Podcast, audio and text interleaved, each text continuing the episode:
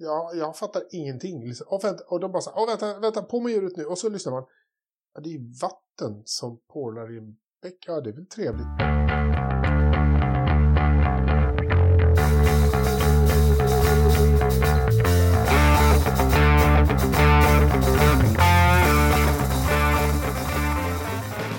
Nähä, vi börjar nu hörni. Välkomna till Forsa-podden, avsnitt 143. Idag tänkte vi prata lite om eh, St. Pete Indycar-loppet. Vi tänkte prata upp Portimao lite grann och eh, vi ska naturligtvis prata lite om Indy Lights och sen så har vi en ny programpunkt faktiskt. Helt otroligt. Lite övrig motorsport blir det också. Med betoning på lite. I eh, podden idag, eh, Jakob, hur mår du? Jag mår bra, tack. Du har inte ont någonstans? Nej. Nej, härligt. Eh, Dyredand från eh, Uppländska skogarna, hur mår du? Eh, Jag mår ungefär som förra veckan. Ischiasnerven bråkar vidare då. Eh, då. Eh, ringde till eh, eh, röntgenavdelningen idag och det var tydligen sex veckors väntetid på att få göra en eh, magnetröntgen. Ja, men det är ju ganska snabbt. Ja, kanske. Ja. Inte tillräckligt alltså, snabbt för mig. Ja, nej, usch, det låter jobbigt. Jag hade tänkt köra till Skåne nästa vecka för STCC-tester. Det verkar inte bli. Jag kan köra dig dit. Inga problem. Ja, Det är dags Det är att ställa på hymern snart. Ja. tänkte ju säga det. Du Ja, kan väl ta hymern så kan ju Dyredand ligga där bak. Ja, Ja. precis. Ja. Det är perfekt. Det låter utmärkt. Eh, vad heter du? Ridderstolpe från de eh, södra fashionabla förorterna till huvudstaden. Mår du bra? Ja, eh, jag mår bra. Jag har ont i en tå, men eh, det, det kan bero på att jag har tydligen sparkat i något. Den blir blå. Men, eh, men jag kan ju knapra piller jag också. ja, ja, så, men så, har precis. vi, så har vi jämna plågor överallt. eller hur? men- Eller hur? Ska jag, jag kan börja med att pudla för Ja, tredje ja. podden i rad. Ja, Gör det Joakim. Ja, det, är ett, det, är ett, det är ett jävla bra nyförvärv där till podden. Ja, eller hur? Ja. Det funkar precis Fantastiskt. Jag, jag pudlar eh, ibland åt mina egna vägnar, ibland åt eh, andras eh, vägnar. Hur som helst. Eh, jag tänkte i alla fall säga att eh, vi kan i förra podden ha utlovat att det skulle bli STCC-snack i den här podden. Men eh, det blir nog för långt om vi tar med allt STCC-snack här, så vi kan väl skjuta på det lite grann. Ja. Ja. Och då Ja. kanske vi till och med kan få med eh, VD himself, Micke Bern, som faktiskt ringer mig här nu. Eh, på ett litet samtal. om Koppla säsong. in honom nu då. Dra honom nu så, så kan vi ställa Ja. Ja, vä- väldigt eh, insatta frågor. Ja, verkligen. Pålästa och klara liksom. Ja, visst. Perfekt. Men vi kan. Vi kan dra det kort. Att eh, Rob Huff är eh, klar för Leicester Racing i alla fall. Mm. Eh, den regerande STCC-mästaren då. Kul. Inte Ja. svensk mästare, kom ihåg det. Fast för han är inte svensk medborgare då. Utan han är Ah. STCC-mästare. Nej, just det. Ja, Ah. viktigt Ja. där. Men eh, de kör inte om SM-tecknet i STCC då? Så, absolut, det gör de. Men, eh, Men han svensk... får inte kalla sig svensk mästare för att han är britt? Korrekt. Så att eh, svensk mästare är ju då eh, Robert Dahlgren. Och sen är ju då Rob Huff STCC-mästare. Ah. Ja, så man kommer tvåa och vinner någonting ändå. Ja, ja, alla, ska, alla får medalj. Alla får medalj. Vad bra. Ja. Alltså det där är ju en kandidat till veckans Verstappen nästan. Jag, Nej, nej, jag- nej, nej. Kritisera inte STCC nu, för då drar jag. Vi, har inte, vi har inte börjat säsongen än. Vi får vänta lite. Ja, vi tar det lite. Tar det lite. Nej, men det har varit väldigt stor debatt om just det där, om det ska vara SM-tecken eller om det inte ska vara SM-tecken. Jag personligen tycker att det där är lite fånigt. Det har ju varit precis samma eh, vet du, debatt när det gäller min, min och eh, Jakobs favoritsport, nämligen Formel E, som nu är VM-klassat för första gången i, i eh, historien då. Jag menar, Ja visst, att kalla sig världsmästare, men alltså jag måste säga det att jag, jag tycker inte det spelar någon stor roll. Eh, beror väl lite på vad det är naturligtvis. Det är, klart, är man F1-mästare så är man ju F1-mästare. Sen om man är F1-världsmästare, finns det något som är större än F1? Nej, ja, ja, ursäkta. Det var inte meningen att Ja men spinna vänta, loss hur blir det det. här då? Då är jag alltså inte estnisk mästare i ishockey längre. Nej, inte om Nej. de hade haft de reglerna så hade du inte varit det. Nej. Du, du hade ja. varit vad nu ligan heter, mästare. Ja. Eh, Ja. S, så, men du hade vunnit FM-ligan, men du hade inte vunnit, varit finsk mästare. Fan. Estnisk mästare. Ja, men du vet, det, det är ganska nära i alla fall. De har samma nationalsång. Jakob trä, försöker träna lite hockey ibland. Han, han, han, han eh, vadå, kom igen. Jakob är faktiskt en väldigt framgångsrik svensk hockeycoach eh, med internationella meriter. Så Oj. vi, ska, vi ska inte förringa det här nu. Det här är på allvar. Eh, Så kan man se. Jakob. Kan Ja. du fixa en provkörning av eh, den här eh, ismaskinen till mig? Ja, Du, fy fan vad på det. riktigt, på riktigt. Ja. Jag, jag tror jag har gjort allt inom hockey, men det jag har drömt om mest sedan jag var barn, det är att få sitta på den där sabonen och pumpa och... Ja, eller hur? Jag- Mm. den, Jag den måste där få göra jävla... det. Ja, det är helt... Måste... Dels den, och sen vill man ju köra den där grindbilen på Solvalla. Ja. Ja, ja. Det, är- det är två stycken ja. på, på bucket list på riktigt. helt klart. Ja, vi spårade oss ur omgående i, i Ja. podd 143 till att köra ismaskin. Nej, Eh, Zamboni. I Sambonik? Ja, okej. Zamboni. Ja. Boney. Ja, Boni. Zamboni, ja. Men vi, vi, hopp, vi hoppar väl över och, och pratar lite Formel 1 till att börja med. Det, ska ju, det, är, ju- det är ju som det heter racevecka och vi ska åka till eh, Portugal och eh, köra lite F1.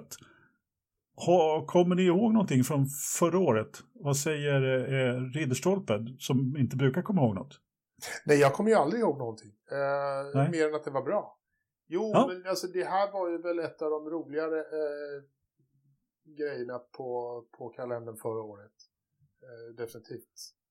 Eh, det här var ju ett av de loppen som hade massor av superrelativer hängande efter sig i eftersläp när det väl var klart. Eh, så Ja. jag, jag ser verkligen fram emot det här och hoppas att de kan, kan eh, lyckas i, i år igen. Så att det inte bara Ja. var liksom så här nyhetens behag.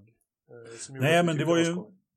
fantastisk bana måste jag säga med mycket nivåskillnader och vi hade ett första varv som var ganska speciellt. Kommer du ihåg det Jakob? Ja. Hamilton tog starten, Verstappen tvåa. Det var jäkligt problem att, att jobba däcken som Eje sa. Precis. Och eh, efter en stund så stod Hamilton i princip stilla Mm. och Bottas körde om både Verstappen och Hamilton. Ja.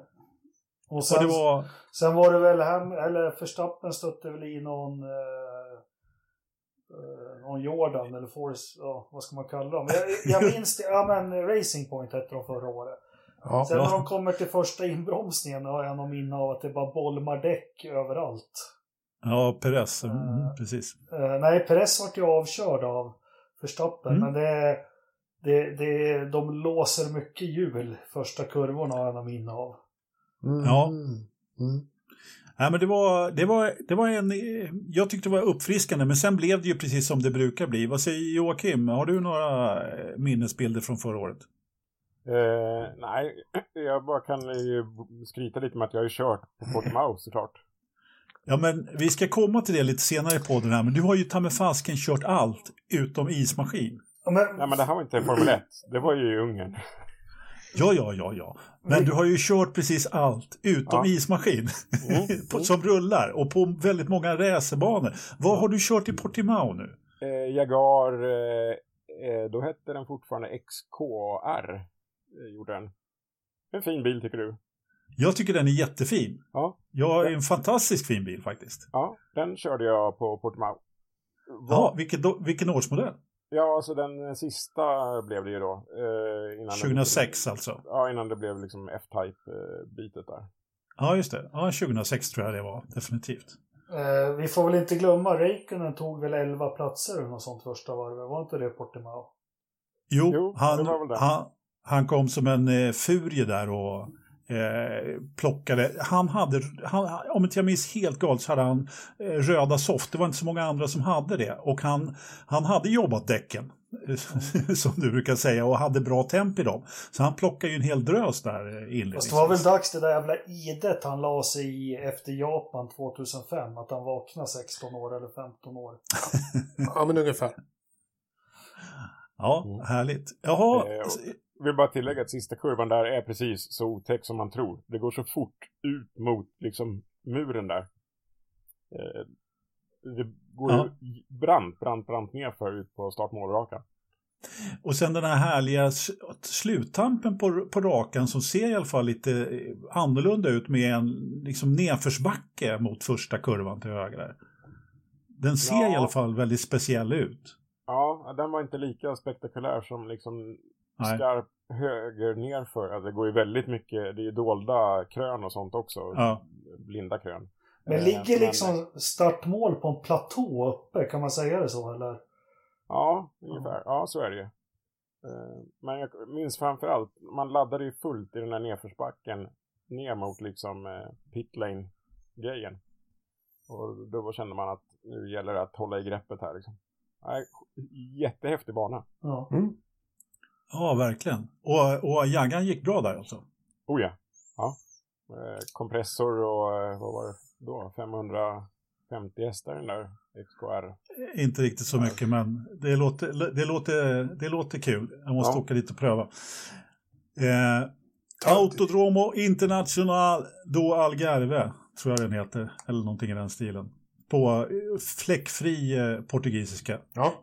Jag, var, jag var i Portugal en gång. Jag, de pratar ju inga andra, de pratar, pratar så mycket konstiga språk. Det var lite svårt att göra förstå, sig förstådd tyckte jag. Men det är säkert trevligt där. För de som förstår. Eh, ja, precis. Ja. precis. Men eh, vad, vad, tror vi då? Kan det, vi har ju en del saker som inför loppet, det har ju trots allt utkristalliserat sig några saker här. Vi har ju bara kört två lopp, men alltså Lewis Verstappen har man ju utmålat till någon tvekamp. Eh, Russell och Bottas försöker man också liksom göra någon slags fight eh, om och sen så har vi, eh, ja men det finns en del ändå så Norris och McLaren har ju sin fina form. Eh, kan det här fortsätta? Vad säger Jakob? Ja, jag försökte skriva ihop lite i någon slags form det här med, med det vi förhoppningsvis kommer få se nu, Hamilton mot Verstappen och satt och tittade lite i, i helgen lite mer. Jag är fundersam på det som hände i Tamborello första varvet där. Eh, jag tror den situationen är något som kommer utkristallisera ganska mycket den här kampen mellan de två. Om den nu kommer vara hela säsongen. Som jag hoppas på. Eh, det här är första gången på länge som Hamilton är pressad av någon underifrån. Eh, I början av hans karriär fick han slå lite underläge. Sen, sen 2014 så har han alltid skyddat sig. Eh, om man säger så. Eh, nu kanske han måste börja attackera och den här grejen som hände i Tamburello, den var inte så smart av honom tycker jag. Nej. Nej hur drar du förlängningen av det? Vad, vad drar du för så här, längre slutsatser av det? Liksom, hur... Nej men det, det, här var väl första gången, de har ju gått lite i närkamp förra mm. åren, men då har ju Hamilton haft ett VM att tänka på, kanske vikt ner sig eller på något vis.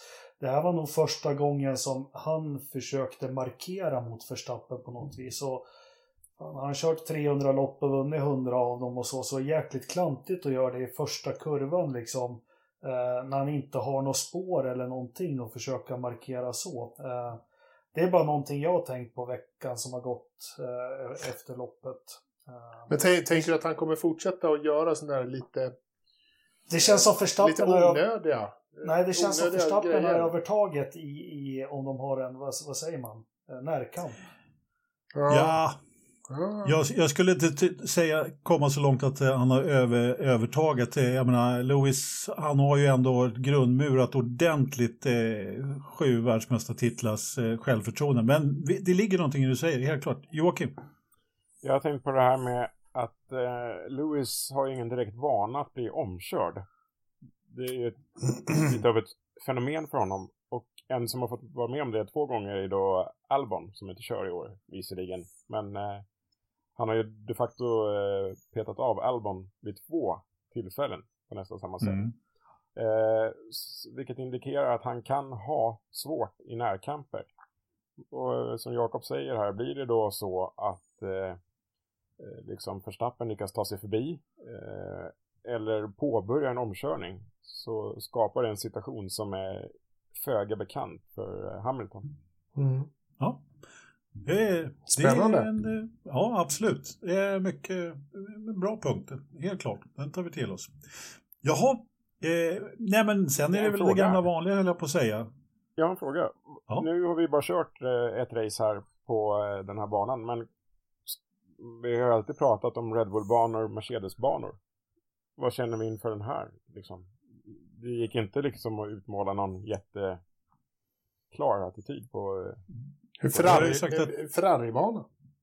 Ja, Mm. alltså varför inte? Norris, eller Norris, Leclerc var ju faktiskt rätt bra med förra året eh, på den här banan också.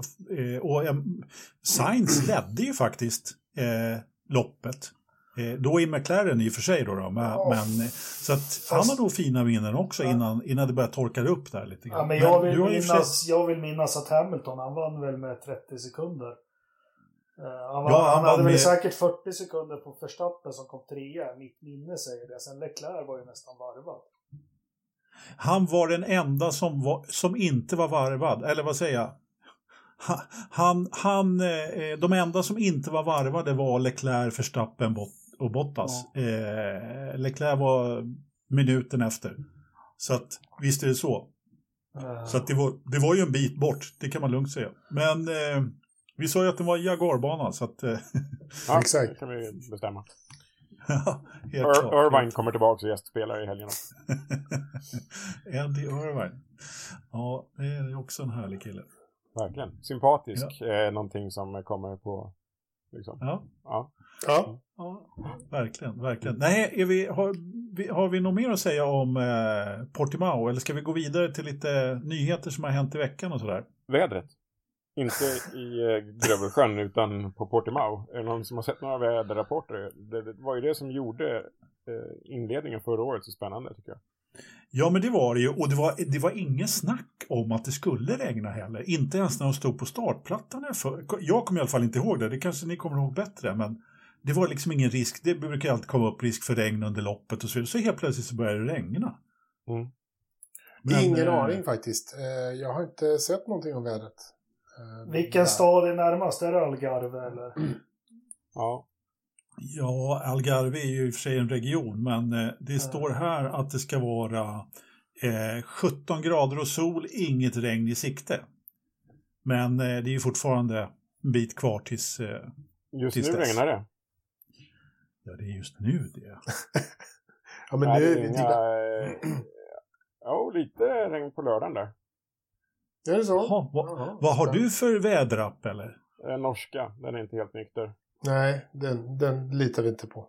Det Ja, har men- jag också och jag har ingen regn på lördag. Ja, men det står Ja, 01, 01 där mellan eh, 0,1. klockan Ja, 7 men och det- 19. det Bra. dunstar innan det når backen. Ja, ja, vi får se. Vi får se hur det blir. Eh, vi hade lite små saker ändå som har hänt. Suzuka hade förlängt kontraktet med tre år. Det är väl egentligen inte så mycket att debattera. Suzuka ska ju bara finnas på en Formel 1-kalender. Så är det. Sen får vi väl se om vi kommer dit. Det är ju rätt sent men, eh, på året. Så att vi hoppas väl att saker och ting har, har eh, ordnat upp sig då. Mm. På tal om eh, bucket list så är det, det är en bana jag vill besöka. Verkligen. Ja, jag med. Jag med. Jag följer med. Helt klart. Och jag vill inte köra ismaskin där. Jag vill köra något annat. Eller Nej, något lite 1. snabbare. Just Ja. eh, 130R. Eh, Mm. Bara namnet på kurvan är så japanskt, osexigt, sterilt. liksom, vem, drö, vem döper ens en kurva till 130R?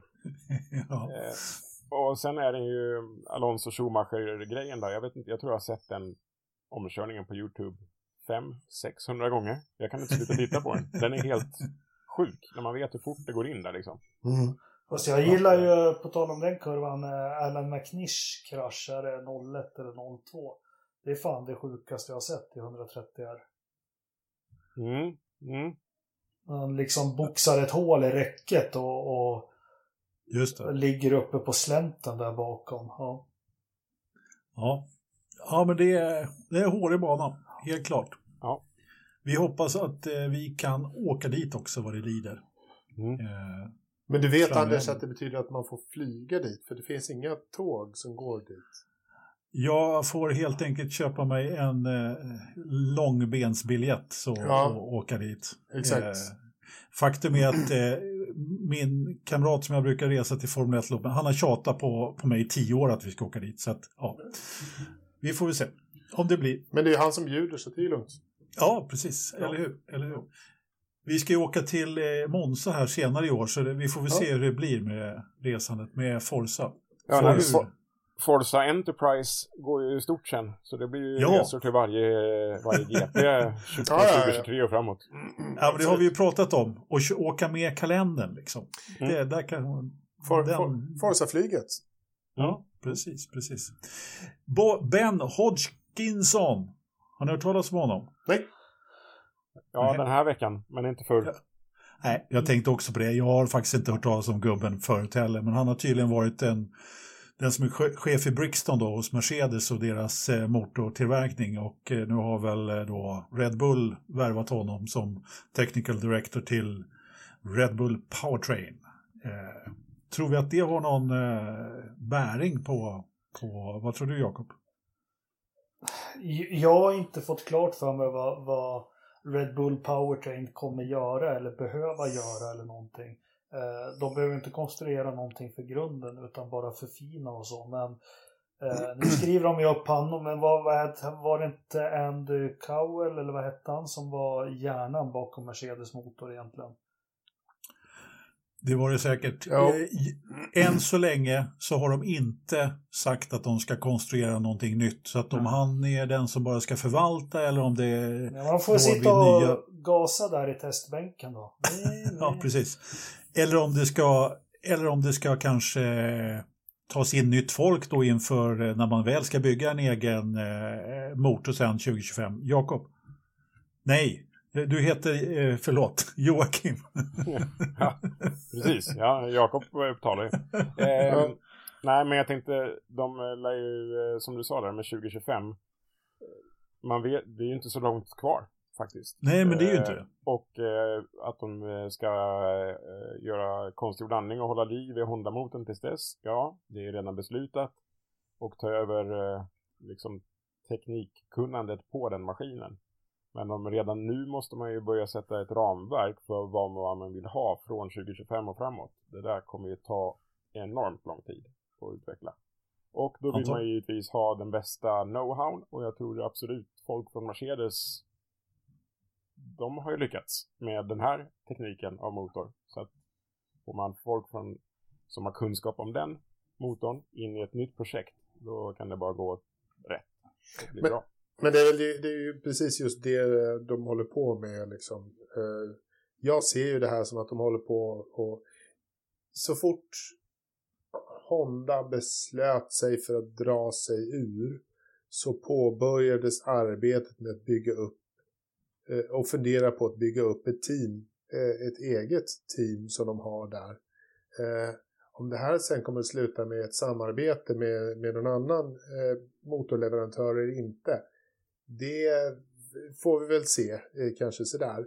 Men de kommer ha ett jäkligt skarpt team på Red Bull-sidan oavsett om det är de, eg de bygger egna motorer helt och hållet eller om de köper in liksom eller om de har ett samarbete med en annan motortillverkare. Det är det de ser till att göra. De, de, de drar ihop teamet nu. Det blir ett riktigt dream team som de håller på och sätter upp där.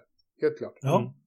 Ja, men, eh, jag, jag, tror också det, att det ni är inne på är att man helt, helt enkelt håller på att formera sig nu. Mm. Och det kan, man kanske inte är helt enkelt, man vet nog förmodligen inte riktigt hur man ska göra och med vem, om man ska gå i partnerskap med någon annan tillverkare eller om man ska fortsätta själva och hur man i så fall ska göra det. Så det kan ju vara en, en del.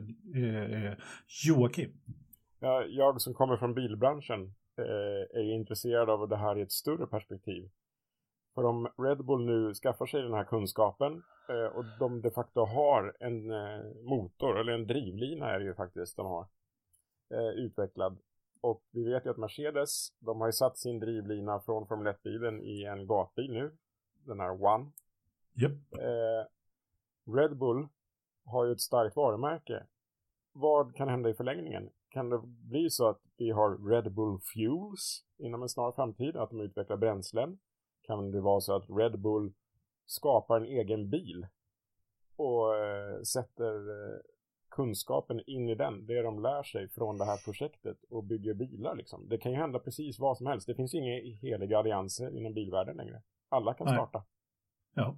ja, och framförallt nu då så startas ju väldigt mycket nya eh, bilfabriker eller bilmärken överallt i stort sett. Så man vet ju aldrig riktigt hur, liksom, med, med, hur, vad framtiden blir och vad ska det- Nu har ju Red Bull kanske inte den historien att de har ju hela tiden använts bara för att eh, marknadsföra sina eh, drycker i stort sett och ingenting annat. Men det kan mycket väl vara så. Jag menar, som du säger, ja, vi får se. Den som lever får se. Eh, det har blivit, blivit klart med sprintloppen som vi pratade om här för ett tag sedan. Den nyheten kom ut här precis innan vi började spela in faktiskt. Att eh, sprintloppen är kvar, klara och eh, de kommer att bli 100 kilometer, vilket skulle göra då Eh, det är inte riktigt eh, bestämt än på vilka lopp, men eh, jag räknade ut då lite snabbt här att eh, det skulle bli ungefär 17 varv på Silverstone om man nu beslutar sig för att köra på Silverstone. Men man har- alltså kommit överens om att det är klart, men du hade läst lite, hunnit läsa igenom alltihopa Ridderstolpe. Vad, vad, vad var det man sa mer? Nej, jag har skummat ganska snabbt, men vad man har sagt är att eh, alla teamen har kommit överens om att det här är en bra idé som vi ska köra på under året. Eh, vi ska ha det på tre, eh, under tre tillfällen. Och eh, eh ett av dem kommer vara utom Europa, de andra två kommer vara på Europabanor. Eh, helt enkelt. Så att man kör eh, kort och gott det, eller så man kör sin eh, FP1 som det alltid kommer att heta. Free Practice One på fredag. Eh, sen kommer du ha eh, ett litet kval eh, på fredagen också som sätter eh, griden för sprintloppet. Sen har du en eh, träning två på lördagen och så har du sprintracet lite senare sen på lördagen. Eh, och det här kvalet Alltså när sprint qualifying, kommer det då liksom, jag fattar inte riktigt det här. Det får ni hjälpa mig lite med. Vart sätts kvar så här, startordningen för det riktiga Grand Prix? Är det resultatlistan i sprint qualifying race?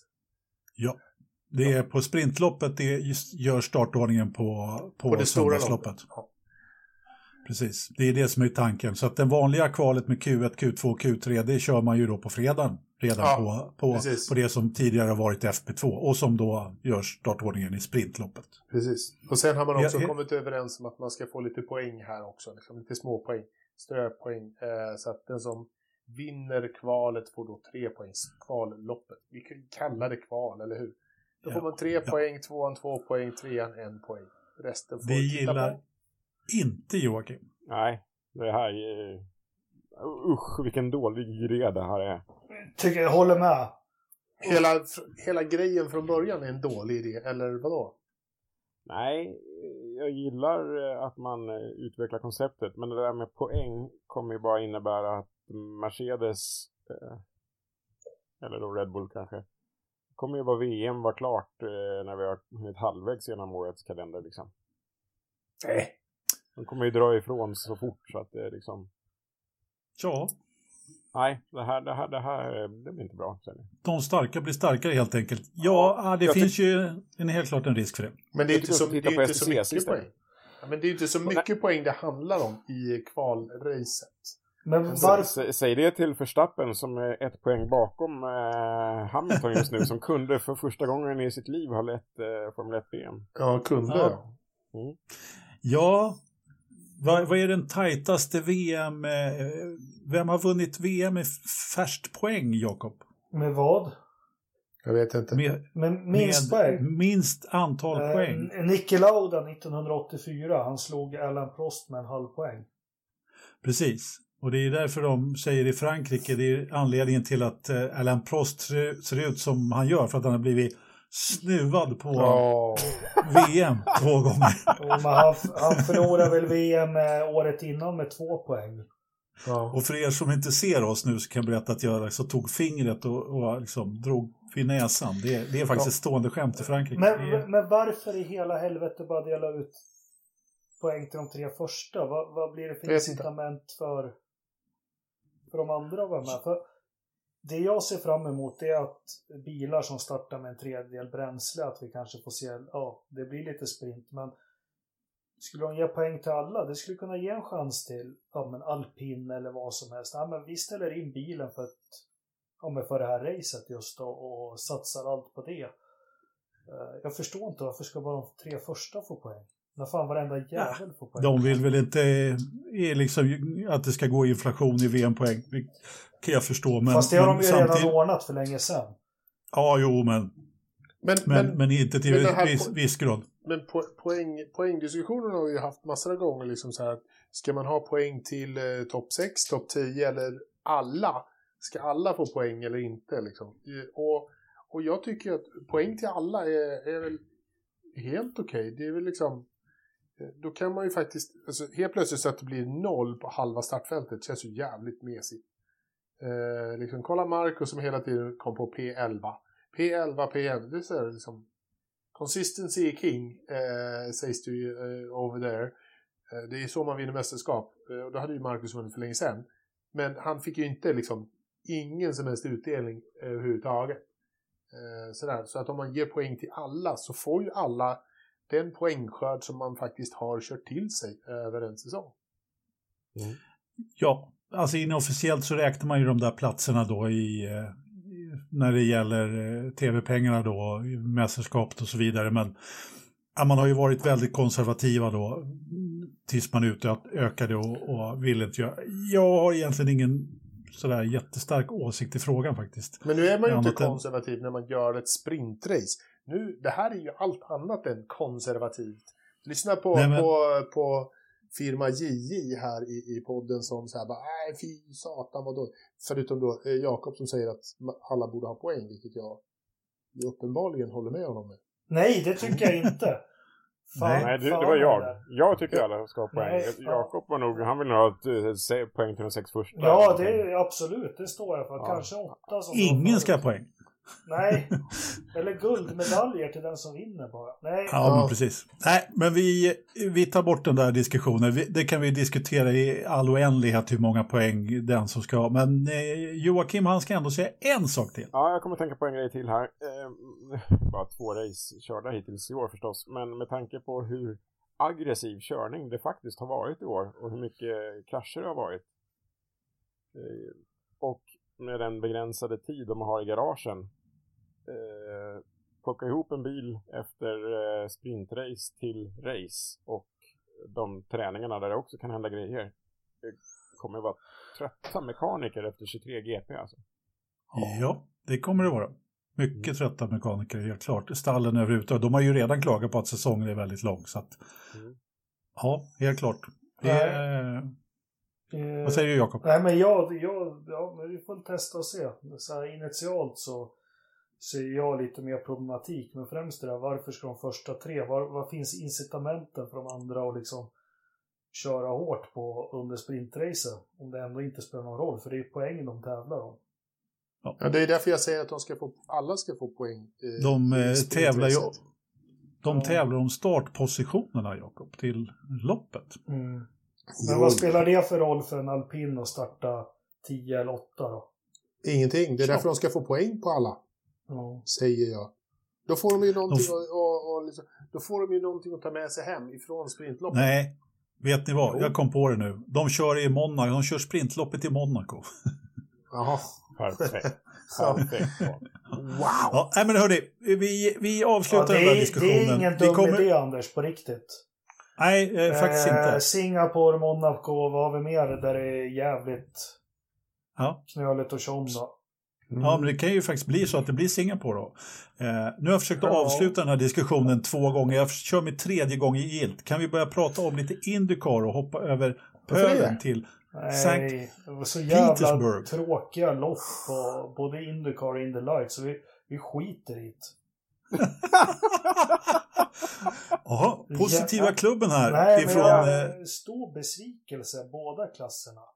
Racingen. Eh, tycker du? Ja, Indyloppet, alltså nu är det vad det är, men vi tittar ju på det mycket för att eh, det är lite mer action, du kan åka upp det från botten till toppen och allting, men det här liknar ju ett Formel 1-race. Det Ja. är ju ingenting förutom willpower, var ju den som var lite på hugget och tog några platser. Dixon tog några platser i början. Sen, eller du såg ju som Felix hade ju jättesvårt att liksom ta sig om och förbi. Uh, ja, nej men jag tyckte, jag, om vi bara börjar där. Det, uh, det var inte de här Indycar-loppen som man tycker om att se. Nej, men eh, jag håller väl inte riktigt med. Det var ju trots allt, det gick ju att köra om lite grann. Jag tycker ändå att det var eh, kanske inte det roligaste Indycar-loppet jag har sett, men eh, som om man, jag tycker ändå att den här banan inbjuder ju inte riktigt till den här Indycar-loppen som vi, som vi kanske brukar se. Eh, förra loppet var ju också ett, svårt att köra om, inte så lätt att köra om här heller egentligen. Eh, inte sådär, men, men ändå. Jag, jag måste ändå säga att jag tyckte det var något sånär mer underhållande än eh, förra loppet på, på Barber. vad, vad säger ni, eh, Joakim? Jag eh, kommer ihåg förra racet här som vi såg då för två år sedan. Mm. Eh, det var, får jag faktiskt erkänna, bland de första Indycar-racen jag tittade på hela racet så att säga. Det mm. var ju liksom en nyhet för mig då. Eh, då tyckte jag att eh, det var mycket mer underhållande. Och eh, jag hade förväntat mig att det skulle vara fler som eh, gjorde tokdykningar i kurva 1 ja. den här gången. Vi fick ju några. Sen får vi de där pinsamma avåkningarna Jimmy Johnson-style då i sista kurvan, 17 där va. Men eh, nej, jag, jag vill minnas att förra gången de körde här så var det fler dyk in i kurva 1 än vad det var den här gången. Det ja, men det, är, de inte jag håller, jag håller med, för det har varit så eh, tidigare. Förra om åren så har det varit lite mera eh, incidenter. Lite halvincidenter kan man väl nästan säga. I, ja, in i, de för, in, I de första fyra kurvorna sådär. Liksom det, det har varit lite tajt. I första kurvan så dyker man gärna lite, sen, sen lite efter varandra. Sen, sen tar de gärna i kurva fyra där när de, när de missar den så får de eh, ta avåkningsgrejen och snurra upp Ja. Och in, det, det, har lite mera sånt. Det var väldigt lite sånt eh, den här helgen. Tycker jag. Mm, Eller vad, det... Jakob, vad hade du? Nej men det är push to pass tror jag förstörde det här. Men jag håller med. 2019 Felix debutlopp och Marcus också. Ja. Det var ju mer dyk som vi säger. Men eh, här zoomar de ut ibland ut på startmål. Då, eh, helikoptervy eller vad det var. Du såg ju väldigt tydligt att den som försvarade sig. En push to pass, vad var det? 15 sekunder va? Mm. Max, ja. Ja, eh, och fick de sett en utgång, tryck push to pass, då finns det ju ingen chans för en bakom att liksom göra det här dyket. Eh, jag, jag satt och funderade för mig själv, för jag tycker förra loppet var inte som vi är bortskämda och sett in med genom åren och inte det här loppet heller på sån här bana. Har de fått problem med smutsig luft och de här, vad kallar du dem, de här små burarna de sitter i Anders? Vad var det för ja, båt? Ja, du tänker på eh, ja, aeroscreenen och så vidare. Ja, men vad var det från för båt? Det jag funderar på. ja, alltså styrhytten på en Albin 82 ja, precis. Ja, Nej, men alltså visst, du menar att det kan ha liksom blivit någon skillnad? Nej, med... jag bara spekulerar vilt. Jag har ingen aning, men jag tycker eh, jag ställer personligen krav på för att kolla på Indycar att det ska vara värt det. Dels har vi två svenskar, det är jättekul. Men det är ju just för eh, racingen. Det är inte så himla statiskt. Det kan hända saker jättemycket. Men nu har vi haft två lopp som har varit liksom Formel 1 alla 2001. Ja, Eh, ja, alltså jag tyckte, tyckte väl ändå att det var lite mer underhållande. Men visst, det var inte det roligaste Indycar-lopp vi har sett. Men vi såg ju ändå några prestationer som var väldigt bra skulle jag säga. Men det var disciplinerat inledningsvis och eh, kanske lite svårt att göra omkörningar. Men vi såg eh, trots allt ganska, ja, Will Power körde ju upp sig från väldigt långt bak, för vad står han, står han 20? Ja, han börjar 20, ja, ja precis. Och, och skugga Mackan i, i rygg då. Och det var ju samma sak då med, med Marcus som också startade långt bak och körde upp sig ganska ordentligt. Eh, han eh, tog ju helt enkelt en riskanalys. Eh, för han hade ju fart då att kunna köra ännu, ännu fortare då naturligtvis. Eh, när han hade fri luft så, så, så, var han ju klart snabbast på banan och på slutet så var ju Will Power minst lika snabb också. Då, så att, eh, Medans, jo, men, men där har du ju Marcus gör ju återigen så tar jag han kliv. Det, det måste jag säga. Gör ett jätte, alltså ett solitt lopp. Men jag, jag tänker mm. på det ska inte vara sådana problem att komma nära att ta sig för, alltså Sato. Utan det var, det var liksom Formel 1 på något vis. Sju tiondelar hela tiden. Eh, Ja. Nej, men det, jag, jag måste väl säga det att det, det, var- det, var, det var ju så i det här loppet, för jag menar, det var ju flera som inte kom om, eh, även om de var i fatt. Så visst, visst det, det ligger någonting i att de kanske inte riktigt klarade av det. Och de, Marcus brände ju en del push to pass där inledningsvis också. Då, då. Eh, sen, sen låg han ju egentligen i rygg på Sato hela loppet då, om vi ska ta hans lopp. Men vi, vi kan väl backa lite grann bara. Jag, en sak som slog mig lite grann var ju framförallt Jack Harvey då, som eh, startade två, som gjorde ett fantastiskt bra kval. Det var ju flera som gjorde bra kval och några som kanske inte gjorde, som gjorde egentligen rätt pissiga kval då. då. Will Power bland annat då som har tagit eh, pole här, vad var det, nio gånger eller någonting i den här stilen. Och då eh, startar 20 eh, och, och Colton Hurta då som egentligen ja, sopa banan med de andra skulle jag vilja säga. Först på kvalet då och sen, men jättekul att se Jack Harvey på, på, eh, i första startled och han gjorde inte bort sig i loppet heller. Har ni, har ni något att tillägga? I... Ja, men Jack Harvey har vi ju liksom, vi har ju hyllat honom lite grann i, i tid och otid ett par säsonger nu känner jag. Liksom, så att han, han är ju någonting, eh, det finns en riktigt bra förare eh, i Jack Harvey. Eh, verkligen, han, verkligen. Han är lite ojämn eh, dock. Eh, för att få Jo, den här han- riktiga toppstyrningen. Liksom, så här. Ja, ja Så jo, men det är han. när, det är väl det som är grejen. Skulle han jämna ut sin kurva en aning så skulle ju, eh, och det finns en öppning någonstans i, i en bra, bra, en bättre styrning än den han har just nu, så, så skulle han Ja. ju verkligen kunna vara värd eh, Ja. och, och plocka bra med poäng och, och kanske bli topplacering lite oftare. Ja, han ramlar ju inte igenom. Eh, Joakim? Nej, jag bara tänkte på... Eh, det har varit så märkligt. Vi, jag tyckte att vi hade ett märkligt eh, F1-kval eh, senast. Eh, och sen så eh, släppte den lilla chocken så att säga med att det var ett konstigt F1-kval. Och så kom man till Indycar den här helgen och får ett lika märkligt resultatmässigt liksom med stora namn som inte hängde med överhuvudtaget. Och jag vet inte vad som händer. Det är så här, äh, allt, de här bettingsidorna måste ju ha stora dagar nu. Ja, Det- Eller så är det tvärtom, de höga oddsen går in helt plötsligt. Så det kanske är ja. sketna tider för de flesta. Eller- Jag vet inte. Nej, ja. men det var, det var väldigt märkligt. Men jag vill eh, fylla i det Jakob sa där med att hylla Marcus. Vilken körning. Eh, sen att eh, det uppenbarligen är svårt med omkörningarna. Men gud vad han hämtade upp sig och att de flera gånger sa att han var snabbast på banan. Jag körde ju så att jag hade racekommenteringen i vänsterörat och sen så har jag hans teamradio. Då har man, eh, det kan man ju rekommendera starkt. Eller om man laddar ner appen så kan man ju välja teamradio för de olika förarna om inte alla känner till det redan. Så då hade jag Marcus teamradio i det vänstra Så Mm, jag lyssnade på båda två där. Då blev det ju väldigt mycket intressantare. mm. Jag har ett litet problem där. Eh, alltså, det där är jättebra veckans tips, just om man vill höra teamradion. Det är ju lite som F1-appen där som man kan köra också teamradio då, helt och hållet och, och lyssna på. Jag kör eh, Indie-radion som kommentering och sen så det här loppet så hade jag faktiskt Felix i andra örat. Då då.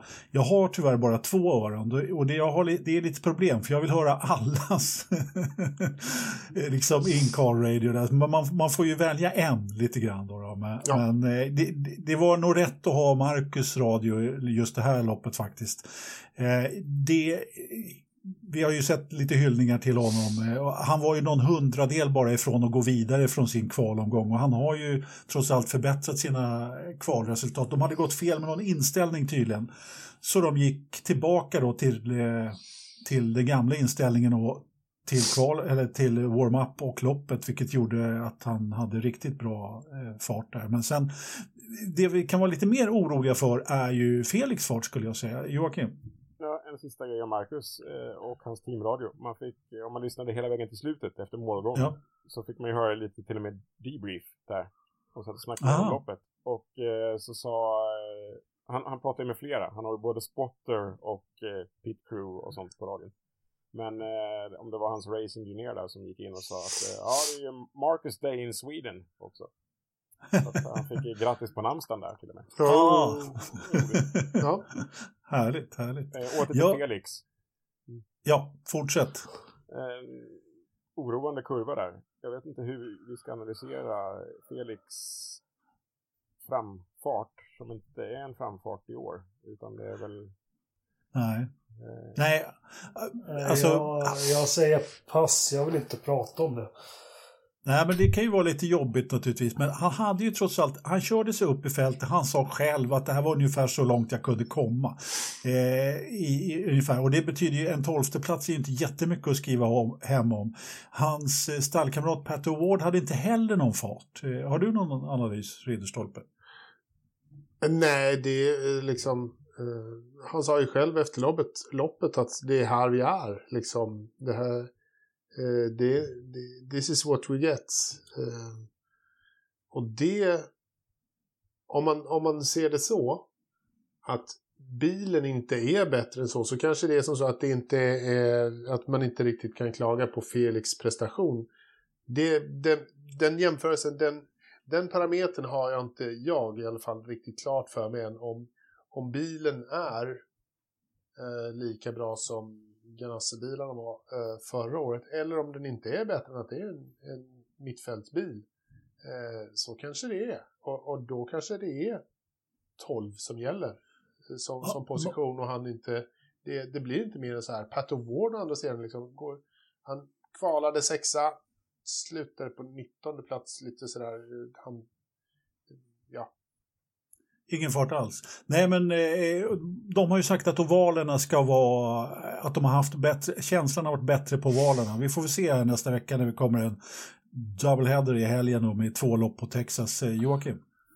Eh, när man ser det här resultatet från Felix så eh, repeterar jag allt för hans snack han har gjort inför säsongen i huvudet. Och han var ju jättetänd för att komma till det här teamet och eh, liksom eh, McLaren Technology Center och allt det där. Och att Pato var en rolig lagkamrat. Men kom ihåg att han sa flera gånger att bilen var han inte riktigt bekväm med. Uh, han hade liksom inte blivit ett med bilen ännu. Uh, och det, det, det hänger kvar liksom i mig, att det är någonting han inte är överens om det är det vi ser nu. Exakt, exakt. Och eh, då är det ju någonting eh, inställningsmässigt. Men sen om de har fart eller inte, vad fasen, Pato var ju betydligt bättre i förra racet, inte riktigt. Eh, Ja. Så att eh, den inkonsekvensen är också väldigt lustig. Visst, helt Mm. olika banor, absolut, men från första till nittonde. Ja. Ja. Ja, Mm. nej, det är verkligen, verkligen. Nej, alltså de har pratat om att de har problem med, med dämparna på något ett eller Det är ibland det, det är inte så mycket annat de får byta där egentligen, men de pratar ju om att de inte riktigt har hittat rätt där. Vi får väl eh, hoppas att, att det blir bättre på valen Men hur, och va- varför kör Award, varför kör han så mycket fortare? Det har ju varit två kval här nu. Eh, nu var det ju tur, för nu hamnar ju i den sitsen igen och han var ju otroligt försiktig första början, Felix, vilket jag kan förstå. Eh, Ja, oj, han ville komma Han igenom. var sjukt nära att bli bortkörd. Jag vet inte om det var bara jag som såg det. Eh, var någon som bromsade på sig hiskligt bakom honom. Men eh, alla som lyssnar på podden vet ju att jag har en liten fäbless för Felix sen hans debutrace på St. Pete 2019. Och vi vet ju, han är ju inte blyg att prata om. Han kör ju för mästerskapsseger. Eh, vi får inte Ja. glömma det. Det, det, har liksom, det har han varit tydlig med. Eh, år två, han skulle vinna mästerskapet. Eh, och det har han väl sagt också nu att det är hans mål. Och, och nu har vi ju två resultat. För är det någonstans han ska hävda sig Felix så är det ju på stadsbanor eller på vanliga racerbanor. Och nu har de två jokrarna liksom gått. Nej, men du har helt rätt, därför att han, hans styrka brukar ju vara den, här typen av race, den här typen av banor. Eh, och jag menar, vi kommer ju alla ihåg den här som du refererar till, hans debut när han, det var Newgarden va, som han tog i Nej, Power depåutfarten. Power Va? var det han tog efter Ja, Will safety car. Ja. Ja, det var liksom, han, han, han, han kan ju pojken liksom, så det, det vet vi ju, det har vi ju sett tidigare. Och Jo. har man inte förtroendet för bilen på en stadsbana där det är så här nära till murarna. Det var en och annan bil som hade vit färg på fälgkanterna efter det här liksom. Ja, Ja, jag tror att har man inte förtroendet för eh, chassit och stötdämparna på den här banan då är det nog svårt att ladda fullt där eh, det bär emot liksom. Ja, men tänk samma på ovaler då, där vi vet att Ja, man också har varit öppen med att han har känt sig osäker och kanske inte helt trygg och så ska han sitta i en bil som kanske inte känns som handen. ja fast de, de har ju sagt när han testade på valen här, de, när de testade tidigare på Texas så sa de att, de hade, att han hade be, klart bättre förtroende för bilen på ovaler. Så att, jag hoppas lite grann på det faktiskt. Men hörni, vi glömmer Indycar. Eh, Eller är det någon som har något mer och, som vill tillägga? Joakim såklart. Absolut, absolut, vill alltid tillägga något. Eh, vi kan ju förtydliga för noviser då att eh, ovalbilarna är ju kraftigt annorlunda. Mm. Bilar. Ja, ja, Så att, eh, ja. Det, att man inte drar någon parallell till Formel 1-bil här utan att ovalbilen har ju en avskalad aero och eh, helt andra chassiinställningar för just ovaler. Så att det är inte alls osannolikt att det vänder Felix nu, att han helt plötsligt känner att wow, den sitter som klistrad på får en- bil runt ovalen. En sned bil här till ovalen, då... ja. Nej, Jag hoppas verkligen att vi har någon novis som lyssnar, men jag tror inte det faktiskt. Men det är bra att du tänker på alla som Nej, lyssnar. vi ska inte ha någon noviser. Det här är Forsa Motorsport. Här alla vet bäst och Det är alla, bra. alla Det är kan bra. det bästa. Elitistisk. Vi kör elitistisk podd, förlåt mig. Ja, nej. Move Jag, on! Move on! Eh, nej, men jag tänkte på en annan sak. Det var kul. eh, Grosjean uttalade sig efteråt. Är det någon som har sett Han tyckte det var jobbigt. Ja, vad var det värsta han har varit med om? Det tycker jag är lite häftigt också för vi vet ju att Formel 1-killarna är ju bra tränade och tar det där på Ja, oh ja. allvar. Nu vart det 100 varv på St. Pete. Det var det jobbigaste han har gjort i en racerbil. Ja, och jag menar, ja, han har ju han har kört några lopp den killen. Och, men, men de sa ju också inledningsvis att det här är verkligt styrkeprov, Joakim. Ja, ni såg väl eh, segerhänderna Ja, efteråt? Absolut. Det var rätt mycket eh, eh, blåser in i de tassarna och jag Mm. tänkte faktiskt på Grosjean både en och två gånger då. Hur Mm. gick det med hans händer här? Eller hur? Herregud. Nu vet jag vems teamradio man skulle ha haft. Ja. Ja. Aj, aj, aj, aj, aj, aj, aj, aj. Märd! Ja. Ja, nej, min franska överlåter vi till någon annan, att säga. Vi tar eh, och, och pratar lite Indy Lights istället. Samma bana, men lite färre förare och lite fler blåbär, även om det var några som kanske inte gjorde jättekul lopp här i, i Indycar heller, som vi, kan, som vi kommer till lite, lite senare i vår nya program, programpunkt. Men, men eh, alltså, om man ska sammanfatta de här Indy Lights-loppen så är det väl egentligen tre förare som det handlar om i, i, i stort sett. skitserie! Riktig Ja, skitserie. alltså på Jakob är riktigt. fan on point idag alltså. Nej men det är en riktig skitserie. Jag tycker det är jättekul med Linus. Det förringar ingenting att han vann första helgen och kom trea nu. För det är alltid bra att vinna, det är vi överens om. Men det är en skitserie, den är inte värd att titta på. Ja. Punkt. Eh, Ja, då var det klart.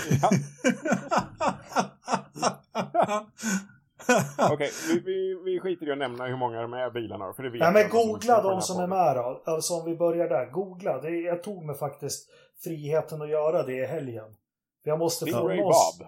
jag måste Ja. få någon koll på liksom det är ju inte det mest meriterade. Och sen, sen, vi måste ju göra en jämförelse med Europa, liksom F2.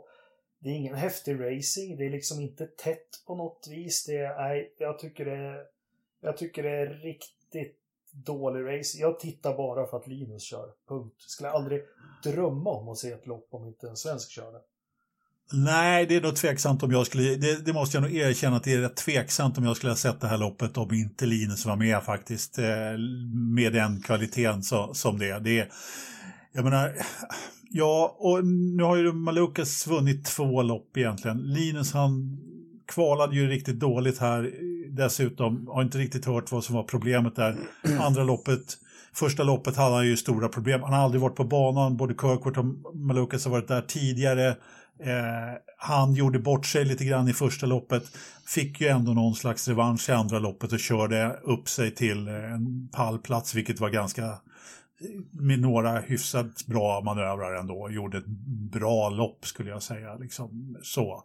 Och, och det är ju ganska tydligt att det är de här tre det ham, handlar om. Och, och Linus han klådde Malukas ganska rejält förra året. Så att, ja, vi, vi, får väl se vart det här bär. Men nej, det var ingen eh, omkörningsfest heller. Och det var några som kanske inte rikt, som kanske har lite mer pengar än talang där i, i bottenskrapet, helt klart. Stingray Bob. och intervju med Stingray Bob. Ja, Hörde du den såg jag. Ja, den såg jag. Ja, härligt. Ja. Han såg inte lika rolig ut som han heter. Han, Man hade han ju- såg inte lik, riktigt, det var det, precis det jag tänkte på. Jag kommer inte ens ihåg vad han sa, men han såg inte riktigt lika cool ut som hans namn i alla fall. Nej. Nej. Vad säger Ridderstolpe? Har du något att tillägga när det gäller Indy Lights? Nej, inte mer än det jag har sagt tidigare, liksom att det här är en serie som, eh, som, har, Eh, som har haft stora problem de senaste åren och de är äntligen på väg att bygga upp någonting. Eh, att det inte är eh, Formel 2 eh, klass på det nu, nej, det, det vet ju, eh, liksom, det, vet, det vet vi ju allihopa. Eh, men, eh, men det här är liksom ändå steget precis under eh, the shit i, i USA just nu. Ja, det är Om det ska vara men, formelsbilsracing. Eh, Hör du det Jakob nu? Att, Ja, nej, men jag håller med. Det, det, de har haft det jobbigt, men jag, jag har svårt att förstå ändå med, eh, med den vinsten du kan köra Indy Light. Liksom, det här, de har ju en bra stege. Dels det Linus vann förra året, garantera körningar och, och så vidare. Varför kan de inte få fler att ta den vägen? Eftersom Indycar är inte fyskan. Det har liksom hamnat lite i Europa nu och fler och fler flyttar över till USA. Varför kan de inte få ihop ett starkt Nej, de har, jag, tror att de har haft problem i, i ledningen av serien. Liksom. Eh, management av serien Indy Lights har inte riktigt eh, haft styr på sig de senaste åren. Så att, vilket har gjort att eh, Indycar Management, eh, numera då Penske, eh, har, tog sin hand ifrån Indy Lights och sa så här, det här är för jävla dåligt, det här håller inte måttet, vi, vi kommer inte att supportera er. Vilket gjorde att då, då började liksom hela Road to Indy-grejen att riskeras eh, ganska ordentligt. Mm. Eh, nu har de väl liksom, jag tror att till förra året skulle jag säga att de började få ordning på det. Sen, sen sket ju sig förra året helt och hållet. Att det inte blev någonting, då ställde de in hela.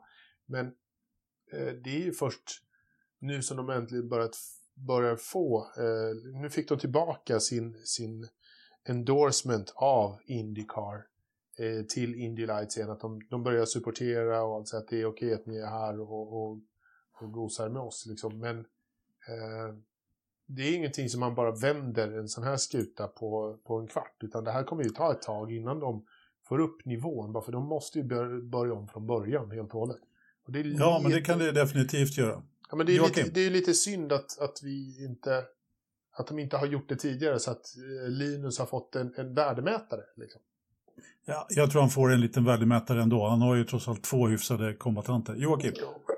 eh, jag håller med Ridderstolpe i det mesta där. Bara tänkte att eh, på ett sätt så får vi se det ur en positiv synvinkel att han inte har lika jobbigt som eh, Beganovic som har 40 andra bilar att slåss med. Nej, så många är de inte. Men det är betydligt tuffare för Beganovic i Formula Regional Euro... ja, Alla vet vad den heter. Ja. Alpin. Eh, pre- precis.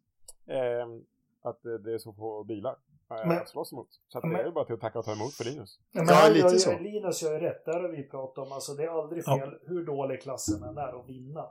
Och liksom, det funkar inte att dra en Marcus kanske komma femma eller trea i det här mästerskapet. Eh, Men, men titta man som jag sa i helgen, nu kommer jag inte ihåg, men det, är- det är fan bara Linus och den här Kirkwood som har, som har vunnit lopp i sin karriär. Jo, men det är det. Det, Definitivt. alltså de andra, de har kört i, i, i 7-8 år. De har inte ens, och det är obskyra klasser de har kört i. De har inte ens vunnit något lopp.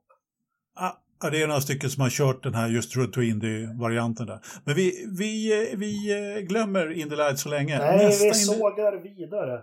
Det har varit för lite, Så- det har varit för lite sågande i flera veckor nu. Ja, men vi ska hinna vad med lite fan, mer Ge sågande. mig tillbaka tiden i mitt liv. Jag har kollat på de här jävla loppen. Jag kommer aldrig få tillbaka den tiden. Oj. Näst, nästa In the, In the Lights-lopp eh, som du kan eh, titta på, Jakob, det är på Indianapolis eh, den eh, eh, 13 fe- till 15 maj. Det är inga Indy Lights på ovalen i Texas, utan eh, Indy Lights kör bara en oval faktiskt. Det är synd, det är, det är fräna bilar tycker jag. De liksom, ja. Ja, visst är det det. Visst är det det. Men, men, så är det i alla fall. Jo, jo. Jo, jo, ja, jo. Nej, fan. Vad fan var vi? Vi piggar upp oss med lite Formel 1 nu då. Ja, men, precis. låt Men vi har faktiskt en, eh, ny... Vi har faktiskt en ny program, programpunkt som vi ska ta innan. Åtminstone så har Ridderstolpe petat in den däremellan, så det tar vi den. Och det är da-da-da-da, panelen. Mm. Här, här måste vara en jingel. Var det inte tvättstugan? Eh, Jo, ja. visst fan. Tvättstugan, vi skulle tvätta byket. Så var det. Ja, vi, som ni hör så är vi lite... Den är som sagt ny den här programpunkten och vi har inte kommit på något jättebra namn än. Vi har några förslag här, panelen och tvättstugan och lite sådär. Så att ni lyssnare, ni kan väl skicka in bra namn på i Facebookgruppen där, Forza Motorsport. Ja, just det. Och nu, nu, hörde ni, nu hörde ni det att vi skulle ha bra namn. Mm, mm. Ja. Det går, det går bra att skriva dåliga namn också. Ah, nej. Jag är dessutom enväldig domare. Nej. det är jag inte heller. Hörrni, vi börjar i alla fall med panelen. Så här, vi har ju numera med oss på regelbunden basis en motorjournalist, en riktig journalist i eh, sällskapet. Vadå? Vem? Var? Var? Var? Vem? En murvel? En murvel, ja. Precis, precis. Helt otroligt. Och han har ju kört allting utom ismaskin. Och eh, det har kommit till min kännedom att du har kört en Formel 1-bil, Joakim. Stämmer det? Det är, det är korrekt faktiskt. Det, det är knappt så att man vågar erkänna sådär liksom. Men eh, ja, det är korrekt. Berätta. Var, var, hur, när, hur var det? Vilken bil? Hur Eh, fort gick det? När, var kraschade du? Ja, jag, eh, jag toppade ur den på högsta växeln på långa rakan. Eh, sen var ju i och för sig växellådan eh, neddrevad då. Men det behöver vi inte gå in på. Jag körde den på varvstoppet i alla fall. Och det här var ju då en eh, Bar Honda 006. Alltså den bilen som kördes 2004. Eh, med en sån här Ryamäki Racing Experience. Den Mm. kan man ju då köra i, eh, ja, man har i alla fall kunnat köra den i Finland och på Anderstorp, men även på Hungaroring i Mm. Ungern. Och det var ju där vi var, helt enkelt. Ja. För eh, tidningens räkning. Eh, Ja. den, den här bilen som jag körde, den var eh, då svart och guld. Eh, och så stod det Lookalike istället för Lucky Strike. Och det var ju då en, en eh, övningsbil som Jenson Button hade, så den hade inte gått något Grand Prix då. Nej. Eh, tyvärr. Men då det kan jag göra i mina händer istället. Ja. Ja, men ber, berätta, nu tar jag över Anders, men ingående liksom. Ja. Fick ni värma upp med något annat först? Ja, det började med att man körde en sån här Formel eh, Renault 2.0. Eh, som inte alls var roligt, för jag hade ju glömt eh, hörselskydden, eller öronpropparna. Så när man satt vid den här insugsburken på den här uh, formelbilen så kändes det som att trumhinnorna ville flyga ut ur hjälmen och in i luftburken. Eh, dessutom så fick jag inte plats med mina långa ben heller så att eh, högerknät kom ju åt växelspaken hela tiden. Liksom. Hur lång är du? Vänta lite, stopp ett tag. Det, det där var jag lite intresserad av eh, eftersom eh, du är ju faktiskt inte smurfbyggd som nästan alla racerförare eh, utan är faktiskt något sån här reslig, 191 centimeter om jag kommer ihåg rätt. Eh, och jag är, jag är då lite längre till och med då, då, men tror du att jag skulle få plats i den där bilen? Det beror på var du har, alltså, min nackdel är ju att jag har ju kort torso men eh, långa ben va. Okej. Eh, Så att längden sitter ju på fel ställe ur den synpunkten. eh, Ja. Ur cock- cockpit-synpunkt. Ja. Eh, Renault, tveksamt om du hade kommit ner i. Men sen att glida ner i bar Hondan, det var ju som ett, det var, fanns ju oceaner av utrymme. Åh fan, Eh, intressant. Visserligen då utan stol, tyvärr. För den gick Mhm. inte ner. Nej. Eh, så jag fick sitta på lite liggunderlag istället. Och eh, sen så tog ju knäna ändå i ratten. Och då hade vi ett problem. Så då fick eh, Ryamakers duktiga mekaniker ta en sån här snap-off-fäste för ratten från en annan bil som de hade där. Och svetsa på på ett annat snap-off-fäste. Så jag hade två stycken snap-off på rad. Då kommer Ah, ratten mycket närmare mig. precis. Ja, Men för det, det finns vi- ju någon annan känd racerförare som vill ha ratten närma sig, mer närmre sig och lite högre upp. Ja, Det är Men Där de också tog fram svetsen lite sådär på banan. Det, Du tänker på eh, Senna och Ja. eh, eh, inför, jag tänkte också på det när du började prata om svetsa rattstångar. Vi, vi går inte åt Nej, det hållet nej. nu Jakob. Vi, vi struntar i eh, svetsningar på ja, rattstången jag är rädd om. Joakim, det är därför. Men ja. Ja, Mm, ja, mm, ja. mm. Jag, vill, jag vill bara säga så här att jag har kört formelbil en gång och det var precis samma sak. Det var inte liggunderlag men det var någon som sprang och hämtade en kudde och jag satt på durken och eh, hade då, eftersom bältena sitter ju i durken. Så det var intressant där. Att det, det går ju alltså likadant att göra i en Formel 1-bil. Då kanske man skulle ta sig en liten tur i alla fall. Mm, ja, det var, det var en upplevelse ändå kan jag säga. Och när jag säger stol så är det inte mycket till sko, stol utan det var en sån här formgjuten skumgummisak med svart eltejp runt liksom som Exakt. de andra kunde ligga i och få ut benen genom. Men eh, jag hade som sagt bara liggunderlag och de där sexpunktsbältena fick ju spännas åt ordentligt för att jag liksom skulle sitta fast mot kolfiberväggen som var bakom mig. Ja. Eh, sen var Det det bara lå- ut. Låter ju eh, underbart. Hur, vågar du gasa? Du, du varvar ur på, på högsta växeln säger du, men eh, det gick att ladda på hyfsat alltså?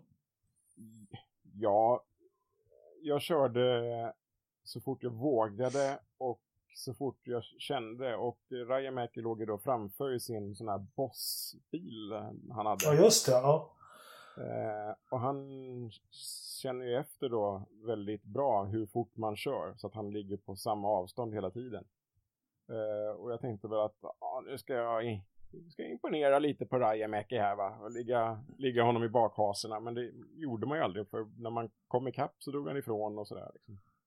Ja. Eh, men eh, det var ju fantastiskt, fantastiskt roligt. Eh, chikanen, vi fick ju se en sån här film inför eh, med lite så här, eh, vad blir det då? Kurva 1, 2, eh, ja den där skarpa 7-8 vänstern. va? Nähä, ja. Ja, det, det är chikanen. Men först den där skarpa vänstern, när man kommer ner ur den där äh, gropen där Eriksson åkte av. Mm. Ja. Helsike. ja, men där Massa körde den vänstern, där han...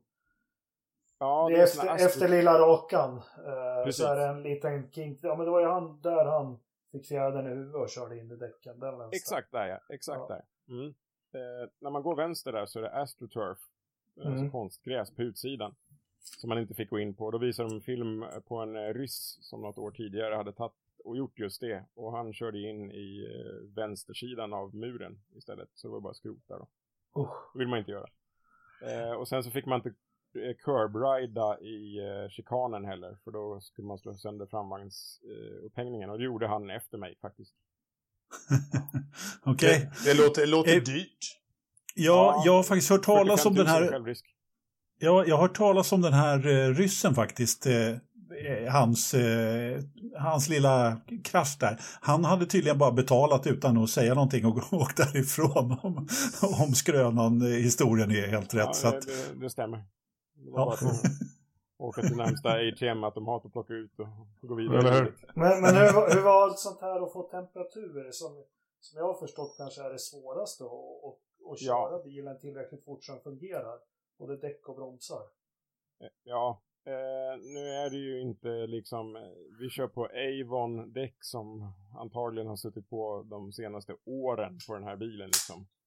Eh, och det finns inga däckvärmare och det är inte alls så avancerade bromsar som det är i Formel 1. Det vill säga att de funkar noll när de är kalla. Utan det här är ju mer, Har de satt på stål eller? ja precis, det är Ja. mer generella liksom lätt fungerande bromsar. Men visst, man behövde ju trycka som en dåre på pedalen. Men det är ju eh, lättarbetat och med förtroende. Och det, är liksom, det finns en broms, eh, är in, den är enkel att dosera liksom. Är den det? Det var inte Ja. det marigaste överhuvudtaget. Utan det marigaste var att liksom göra en snygg nedväxling, ta kurvan med så pass mycket fart att det fortfarande kände att bilen hade någon form av downforce. Ja. För det var ju liksom Mm. det de påtalade hela tiden.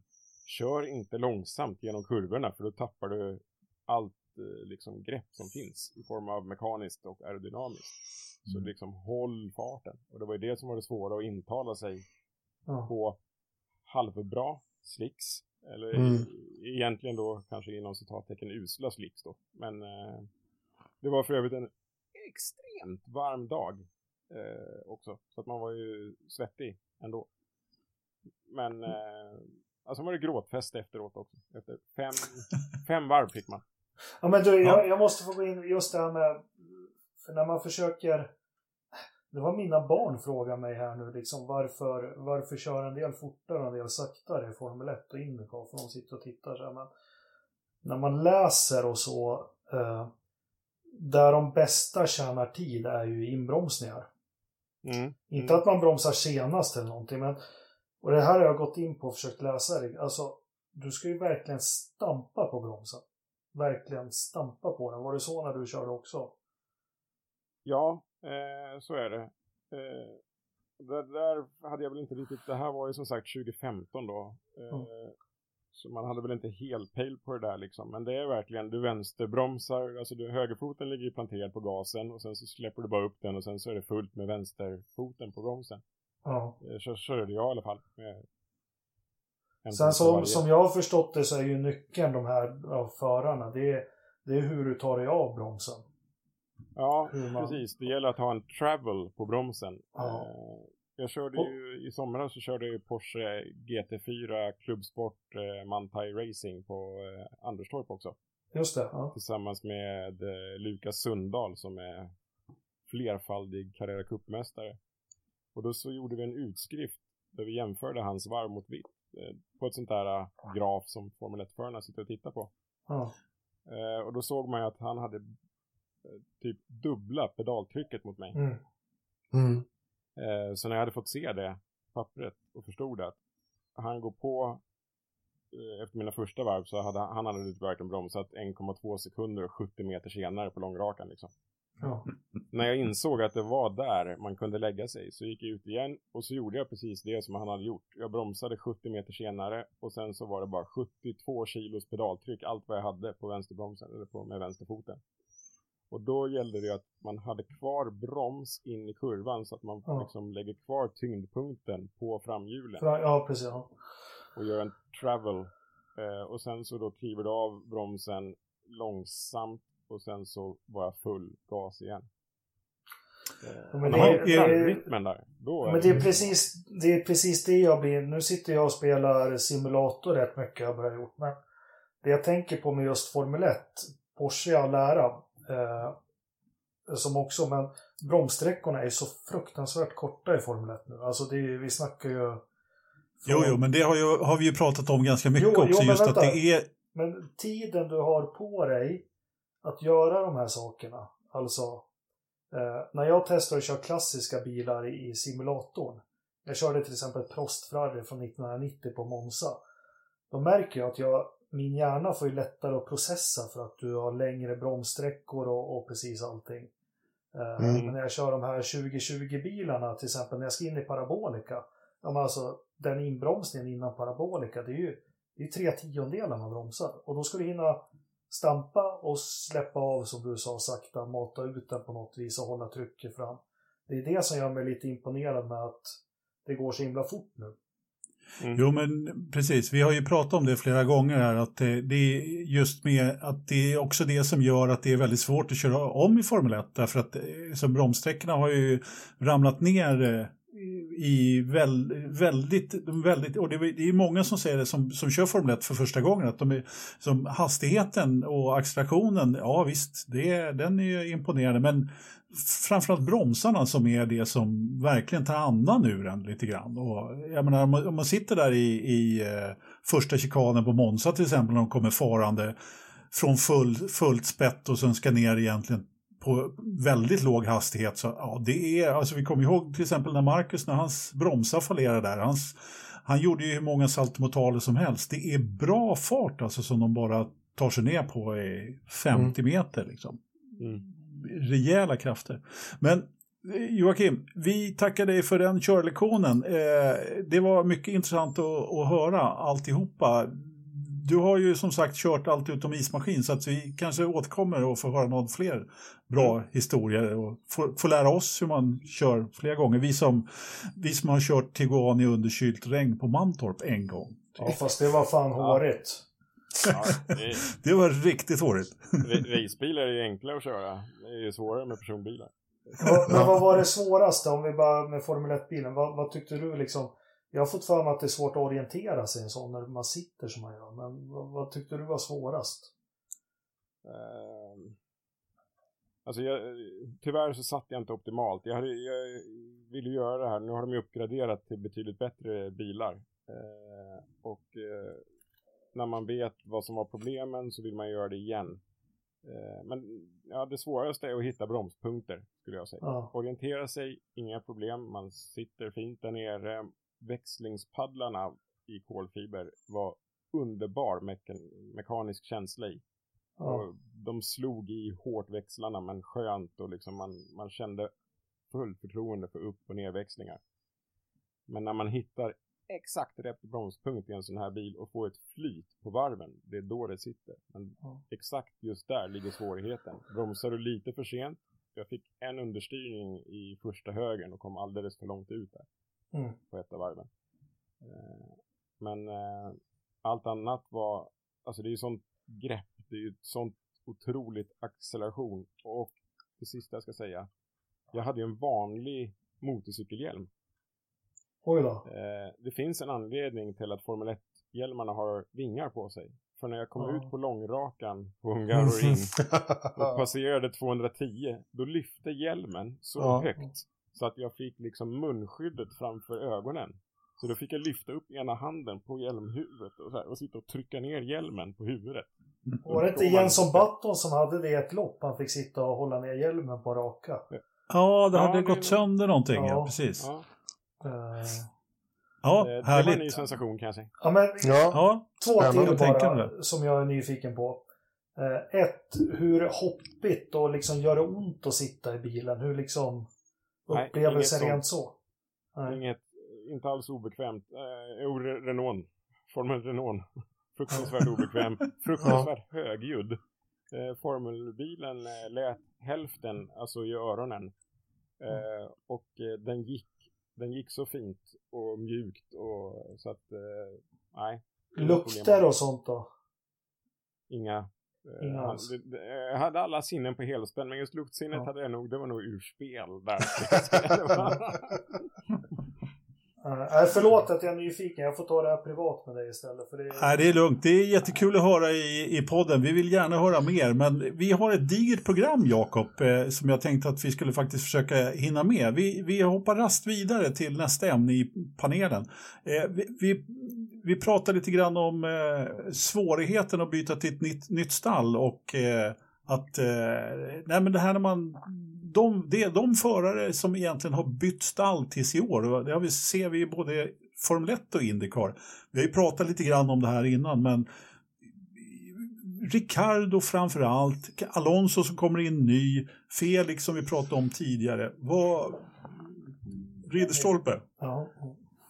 Ja, det, det är egentligen så här, det vad det är ju, det verkar ju lite, lite grann vara som någon, någon form av tema. Eh, så här liksom, att, att just de nya har, har haft större problem. Har de haft större problem än vanligt i år eller är det bara så att vi ser det tydligare i år? Eh, Ja, det är frågan. Är det jag Ehm, inte riktigt har fått någon koll på. Vad säger du, Jakob? Ja, Nej, precis. men det, eh, det är vi får inte glömma att eh, de här som har bytt stall, det är en och en halv dag de fått sitta i sin nya bil. Exakt. Eh, vilket Jo, det är ju inte det här med obegränsade tester längre. Nej. Så är det ju. Så, så att det, det är ju mycket nytt. Och vi kanske, har, vi, har vi för eh, hårda krav på dem? Nej men, en och en halv. Och, och tar vi som för Fettel då. Eh, som satte depån mest av testerna. Mm. Ja. Eh, så är det svårt. Och jag, och jag hörde en intervju, eller läste en intervju med Carlos Sainz. Som faktiskt berättade att det är inte bara att sätta sig i en bil och att ratten ser lite annorlunda Alltså det är allting annorlunda. Precis allting. är annorlunda med olika bilar. Koncept, hur de ska ställa in rattarna på bilen, hur de laddar upp batteriet, vad den har för egenskaper i ditt och datt. Alltså det är... Eh, sen ska, ska ju de, men ni vet ju själva om ni är liksom är vardagsbil och så får ni en hyrbil. Och så ska ni sätta på elbakrutan. Det liksom går ju inte, man har ju mycket ryggmärg mot den bilen man har och allting. Men en och en halv dag är lite lite tycker jag. Att, ja. ja, kanske det. Du Jordan, du har kört en annan bil. Nej. Inte nu. jag är lite avundsjuk bara. Ja, det ska det inte vara. Eh, men eh, vi får boka in eh, en, en körning för Forza-gänget. Ja, men det jag tänkte på, det är exakt som Jakob säger där. Vi har ju varit bortskämda tidigare med sex dagar i Spanien, liksom, eller i Barcelona, med försäsongstester. Och nu när det var en och en halv dag och dessutom för Fettel blev det ju egentligen ännu mindre körtid i år med de här dåliga problemen de hade på bilen. Och det är väl det som har hänt i år. Vi har helt enkelt fått se resultatet av för lite mil i de nya bilarna för de nya förarna som de skulle ha rostat av sig vid ett vanligt Barcelona-test i vanliga fall. Och det gör faktiskt Perez eh, lyckade omstart av bilen ännu mer beundransvärd. Eh, att han lyckades göra det utan radiokommunikation med teamet och sånt. Så att eh, han har lärt sig, han har varit duktig och pluggat på. Och Alonsos återkomst i år, hur ska vi se på den då? Han har också, bara, han... haft, eh, han har också bara haft en och en halv dag på sig. Har han... På två år? Liksom, ja, precis på två år. Eh, det, det måste vara, men, men, men ändå. Eh, jag vill jämföra hans återkomst med Schumachers. Ja. Uh, utveckla. Nej, det, det, är svårt att, eh, med två års frånvaro. Eh, den smala lyckan för Alonso är väl att det är samma reglemente bilmässigt. Ja. Så att han vet vad det är för typ av drivlina och system liksom. Men om vi tittar på bilarna, det har ju hänt en del på två år de facto. Ja, och så är det ju den här sista tiondelen, det får man inte heller glömma. Det är ju den som räknas. Och det är ja, och den som kommer utav att vara skarp. Ja, och när marginalerna är som de är i F1 och Indycar också. Eh, det är tiondelar som räknas. Och när du inte är hundra bekväm med någonting du vet, de sitter ju, när man lyssnar på teamradion där, när de sitter och känner efter grejer, som eh, Norris, när han hade lyckats komma åt med knät på växelpadden liksom. De känner ja, ju minsta gruskorn i sina bilar liksom. Mm. Och att då byta bil helt, det tar, det tar tid. Ja. Ja, ja, men vi får nog helt enkelt bara ha lite mer över, överseende med att det... Ja, det vi pratar om eh, högpresterande idrottsmän här, men visst. Ja, eh, det, men det, det, det, är nog trots allt så att eh, det, blir, det, det är nog trots allt så att hade det varit ett par testdagar till så hade de eh, kört av sig det här och kommit bättre förberedda. Vi, vi slår fast det i alla fall. Vi bestämmer det, att det, okay. att det är så, tycker jag. Eh, vi, vi tar oss vidare. Vi, vi, eh, vi, går, vi går över på övrig motorsport direkt. Och mitt favoritämne Formel E och Jakobs. Har du sett Formel E i helgen, Jakob? Nej. Vad fan nej, jag, varför skulle jag göra det? Är det någon annan som har sett Formel E? Uh, nej. Nej, varför skulle vi göra nej. det? Nej, det kan sluta med det för det du är pratar fan. ändå om det är en timme och 20 minuter varenda podd. Så det är... ja. Nej. Nej, men det, ni, behöv, ni behöver inte se Formel Det har varit skandal, det, berätta. Nej, inte skandal, men det var patetiskt faktiskt. Riktigt patetiskt. Det var regnlopp i Valencia och eh, på lördagen här då så eh, om det var nu Felix da Costa som ledde det här loppet väldigt, väldigt länge och eh, när det blir safety, det, var, det, det hände ju saker hela tiden. Det var händelserikt kan man ju lugnt säga. Om det var bra, det är väl, det är väl en annan sak. Men fullständigt kaos och eh, i regnet då. Det var ju safety car på safety car. Inte, inte jättemycket, men de drar ju bort energi när det är varje safety car då. Och eh, Eh, bara för att man inte, liksom, det ska ju vara ett race. Och när, när de släpper på Safety Car igen, ja men det är väl klart, då han, den som leder försöker naturligtvis att skaffa sig ett bra utgångsläge som möjligt. Problemet var bara att han stack så att eh, tiden, så att det blev ett varv till att köra i loppet. Och jag menar de här, de här bilarna de har ju inte bränsle eller elektricitet för ett varv till. Så de fick ju helt enkelt köra på pitlimiten hela gänget. Några de blev diskade och några de eh, kom upp på pallen. Jag tror van Dorn kom trea liksom. Han hade startat sist. Han hade varit ute och kört i Sandfors, äh, det var bara rent patetiskt. Alltså. Jag, jag gillar Formel E verkligen jättemycket. Och, och, för det är bra racing och liksom när de kör på sina stadsbanor där och de ska köra i Monaco och alltihopa. Men det här med att ta bort energi, alltså jag kan inte förlika mig med det faktiskt. Det är och riktigt där, illa. Och där, och där är, är, har de ju tagit, apropå att ta bort själen ur, ur någonting eh, så effektivt man någonsin kan. Ja, att, att, för... att göra så, det är fan mig så, så här, gå ut till en Formel 1-bil och tanka ur bensin ur den liksom, så att du inte riktigt har så mycket bensin kvar så du må, äh, men alltså det, oh, nej, det är liksom Oh, vad irriterad jag är på ja, det. Det är nej, helt fantastiskt. Så det, det är ja, fan nej, det men... dummaste. Så därför, därför, därför tittar jag inte på Formel E just nu. Nej, men det är helt okej okay att liksom eh, ha, ha det hela, eh, alltså att man behöver spara lite för att klara hela loppet. Men just ja, det här med att ta bort under tiden och ändra. När det är liksom. en safety car ska du fan inte hålla på. Nej, Joakim. Vad menar du med att ta bort energi under safety car? Nej men alltså när, om det blir safety car så minskar de liksom... De minskar de tillgänglig som... energi. Det är som att ja. du har någon virtuell jävla eh, dammsugare. Spärrar, spärrar i batteriet. Ja, ja, ja du får... Du, du får inte använda, som, du får använda ett visst, en viss mängd kilowatt för hela loppet om det är 250 eller vad fan det är. Kilowattimmar. Kilowattimmar. Ja, ja timmar. Ja, ja, att jag sa kilowatt i en podd för uh, den där Automotorsport. Jädrar, vi har aldrig fått så mycket läsare.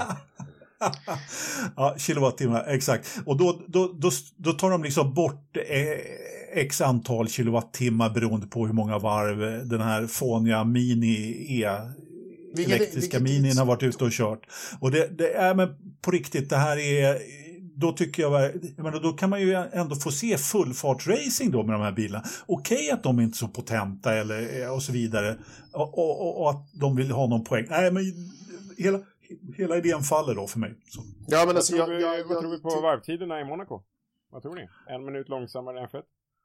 Ja, alltså jag tycker inte det är intressant faktiskt överhuvudtaget. För det spelar ingen roll. För jag menar, det, Formel E hade haft sin egen plattform eh, ändå. Eh, sådär. Och, och jag menar, de kan ju liksom accelerera väldigt fort och ja, men de har sitt eget koncept. Men det här gör ju, och sen den här jävla fanboosten, ursäkta nu går jag igång ordentligt där. Den är ju, kan de ju också skrota omgående tycker jag. Liksom alla boostar överhuvudtaget.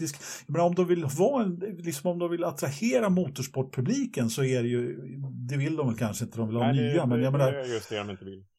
Nej, precis. Men jag menar tät racing, jag menar, vem attraherar det här när man, när man får vänta en vecka på resultatlistan istället och det ska liksom dömas i domarrummet efteråt. Man vet aldrig vem som har tagit pool bara för att det är någon som har kört med för mycket energi. Nej. Under en kort stund så lät det som du pratade om Formel 1 att det skulle dömas på, man får vänta på resultat. Men det var något helt ja, men Det här är ju så oerhört mycket värre. Nej, jag vill inte ja. prata om det mer. Jag säger som Jakob, nu glömmer vi skiten. Ja, okay. Nu pratar vi om lit, riktig racing, okay. Riktiga bilar, riktiga oh, förare. Halleluja, halleluja. Det tog en och en halv timme, nu är vi här. Jajamensan, nu är vi här. Historiska, histor, historiska Formel 1-bilar i Monaco. Mm. Jakob, du har sett sett det i helgen? Ja, men jag satt och tittade ganska mycket eh, fram och tillbaka. Men eh, sen vet man ju vad det här kan bli. Man ska visa upp bilarna och, och man tar det lite försiktigt. Men när klassen med bilar från, vad var det, 73 till 76? Ja. Skulle köra sitt race. Och, äh, det var faktiskt det roligaste racet jag har sett oavsett kategori på länge. Det var Alesi i en eh, 312 från 74 va? Och eh, så var det en tysk i en Lotus 77. det som är intressant med historisk racing, jag måste bara ta det, jag som är otroligt nördig och lite uppslagsverk, det är att ofta går de bilarna som var totalt misslyckade på 70-talet går fort i historisk racing. Om det har att göra med att det är bättre förare eller att man har fått ordning på det, det vet jag inte. Men Det jag tyckte det var ett helt jävla otroligt race vi fick se. De körde 18 varv också och eh, fan, de sparade inte på krutet. Och det var, det var lite som man har tänkt sig att det var på 70-talet, brittiska stall mot, mot italienska. För man såg Lotusen gick ju som bara den. Eh, bromsningar in och genom kurvor så låg han alltid klossrygg på Alesi. Sen ut i kurvorna så fort det blev lite rakt. Eh, så tog de italienska hästarna över. Men det var, jag tyckte det var att de, de körde verkligen på Alesi, den här tysken. Jäklar vad de eh, Ja. sparade inte på någonting. Och sen var det ju lite tråkigt avslut vi inte riktigt har vet vad som hände. Jo, det vet vi. Jag ja, vet. Ja, fast är det officiellt? Har han sagt det själv? Ja, eh, han, alltså Alesi missade en växel där. Har han sagt I, det själv? Eh, ja, och eh, vilket gjorde då att Werner körde in i honom. Mm. Eh, och eh, vilket gjorde då att Niki Laudas eh, gamla Ferrari skrotades mot väggen där. Ja, Renault eh. var det väl, hade väl skrotat en på träning innan en likadan. Alltså, Ja. okej. ja, eh, och han var så arg den här Werner att han, eh, han, han, för han fick då ett 50 sekunders tidstillägg. Ja, Lyssna nu, Formel 1-domarna. han var riktigt Eh. tjurig på prispallen efterat. Ja, han var så tjurig så att han inte ens gick till prispallen. Han gick inte ens upp på prispallen. När han ställde sig bakom där. Ja. Då är man irriterad, då är det på, på allvar. Men jag menar, det är ju många förare som har förlorat mot Alesi. Så att, eh, Fast- det, Han hade tur Alesi. Skulle, skulle han legat lite mer tysken snett bakom, då kanske han skulle kört in honom 90 grader i räcket. Då skulle inte Alesis fötter och ben mot något bra. Nej, jag kan tänka mig att det hade varit lite jobbigt kanske. Äh, Han var kul racing måste jag säga. Jag tyckte det var skitkul att titta på. Ja, härligt att se lite gamla bilar. Har du eh, Dyredan något att tillägga? Nej, jag bara undrar hur, vad, vad det står i Alesis kontrakt inför en sån här begivenhet. Liksom, så här, vad, vad händer om jag, jag eh, kör av en vinge? Nej, det, det, det är lugnt vet du. Och sen så var det Ja. Skrot istället. Det, Ja. alltså, Ja. Alltså, det var, jättemycket skrot blev det inte. Det var, ja, eller det såg ja. inte bra ut. Nej, det gjorde det definitivt inte. Det var som jag skrev någon tråd där på Facebook. Jag menar, alltså, hyr man in Alesi så måste man ju ändå ha obegränsade resurser att kunna återuppbygga den där bilen igen. Annars gör man ju inte det. Annars tar man ju någon annan sopig förare som inte, som inte satsar någonting. Liksom. Men han, han var ju Ja, Alesi har inga pengar kvar. Så att, Nej, nej precis. Eh, så Ja, han har ju de- kört han har ju Ja, satsat på- på, något, på något annat. Liksom. ja, på Julianos F2-karriär. Ja, precis. Jag såg lite ombord idag på kvalet och så, Alias. Han var riktigt ringrostig med hållåda alltså. Och här och Ja. det var... Eh, Ja, det var ju ett tag sedan, om man Ja. säger så. ja, men jag tyckte, jag tyckte det var häftigt. Sen man kan göra sig roliga Alesi. Det där var ju olyckligt det som hände. Han körde ju städat. Men det som Ja. var kul att se att det var ju två stycken som verkligen ville vinna. Och Alesi var ju Mm. inte jättelycklig när han hoppade ur bilen. Nej, det tror jag det. Det tror jag det. Men de, han som ägde den där bilen i alla fall, han fick i alla fall ett känt namn som körde den. den det, det gjorde nog i alla fall eh, att uppmärksamheten blev hyfsad. Kul att se. Lotus 77 går så jävla bra. Det var ju Ja. ingen succé den där bilen när den kom. Det var ju den Ronny Nej. satte allt sitt hopp till Lotus. Vad var det som var Mm. speciellt med den då? 77an kommer, kan inte jag. Du får berätta. Det var ju året innan han knäckte det här med ground effect. Men den där hade ju justerbar spårvidd och axelavstånd Jaha. på. Eh, Det var ju någonting som köpte med. Men de fick Okej. inte, Andretti fick ordning på den där och vann ju, eh, vann ju det legendariska racet på Fuji 76. Som Ja. ingen kommer ihåg för att det var ju då Hunt och Lauda körde om VM. Mm. Just det. Just det. Jaha, nähä. Eh, Justerbar spårvidd och axelavstånd. Ja, Efter bana då alltså. ja.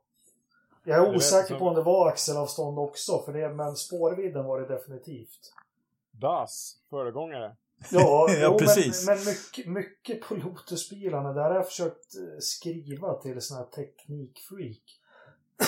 mycket på Lotusbilarna från 70-talet innan de hamnade rätt. Är sånt du ser idag. Om man tittar på luftintaget också som den här eh, Lotus 77 har vid nosen så ser ni lite likheter vad som kom på 2000-talet sen. Eh, Ja, man försöker få en luftkudde liksom under. Eh, det som också är intressant är med aerodynamik. Man hade ju vingar på bilen men tittar man på den här Lotus 77 eh, så mellan kaross och däck så sitter det ju bromsok och bromsskivor. som inte kan vara sådär jättebra för luftflödet. Nej. Ja, just det. Precis. Ja, nu har vi grottat ner oss lite i 70-talsbilarna också. Nu, nu eh, vill jag ha en förstappen av er. Vem vill vara först? Är vi där nu? Nu är vi på förstappen, sa du. Ja, men det är faktiskt inga problem den här veckan. Och det kommer inte Nej, vara några det är- problem den här säsongen tror jag. Nej, jag tror inte heller det. Då får du börja, Ridderstolpe. Ja.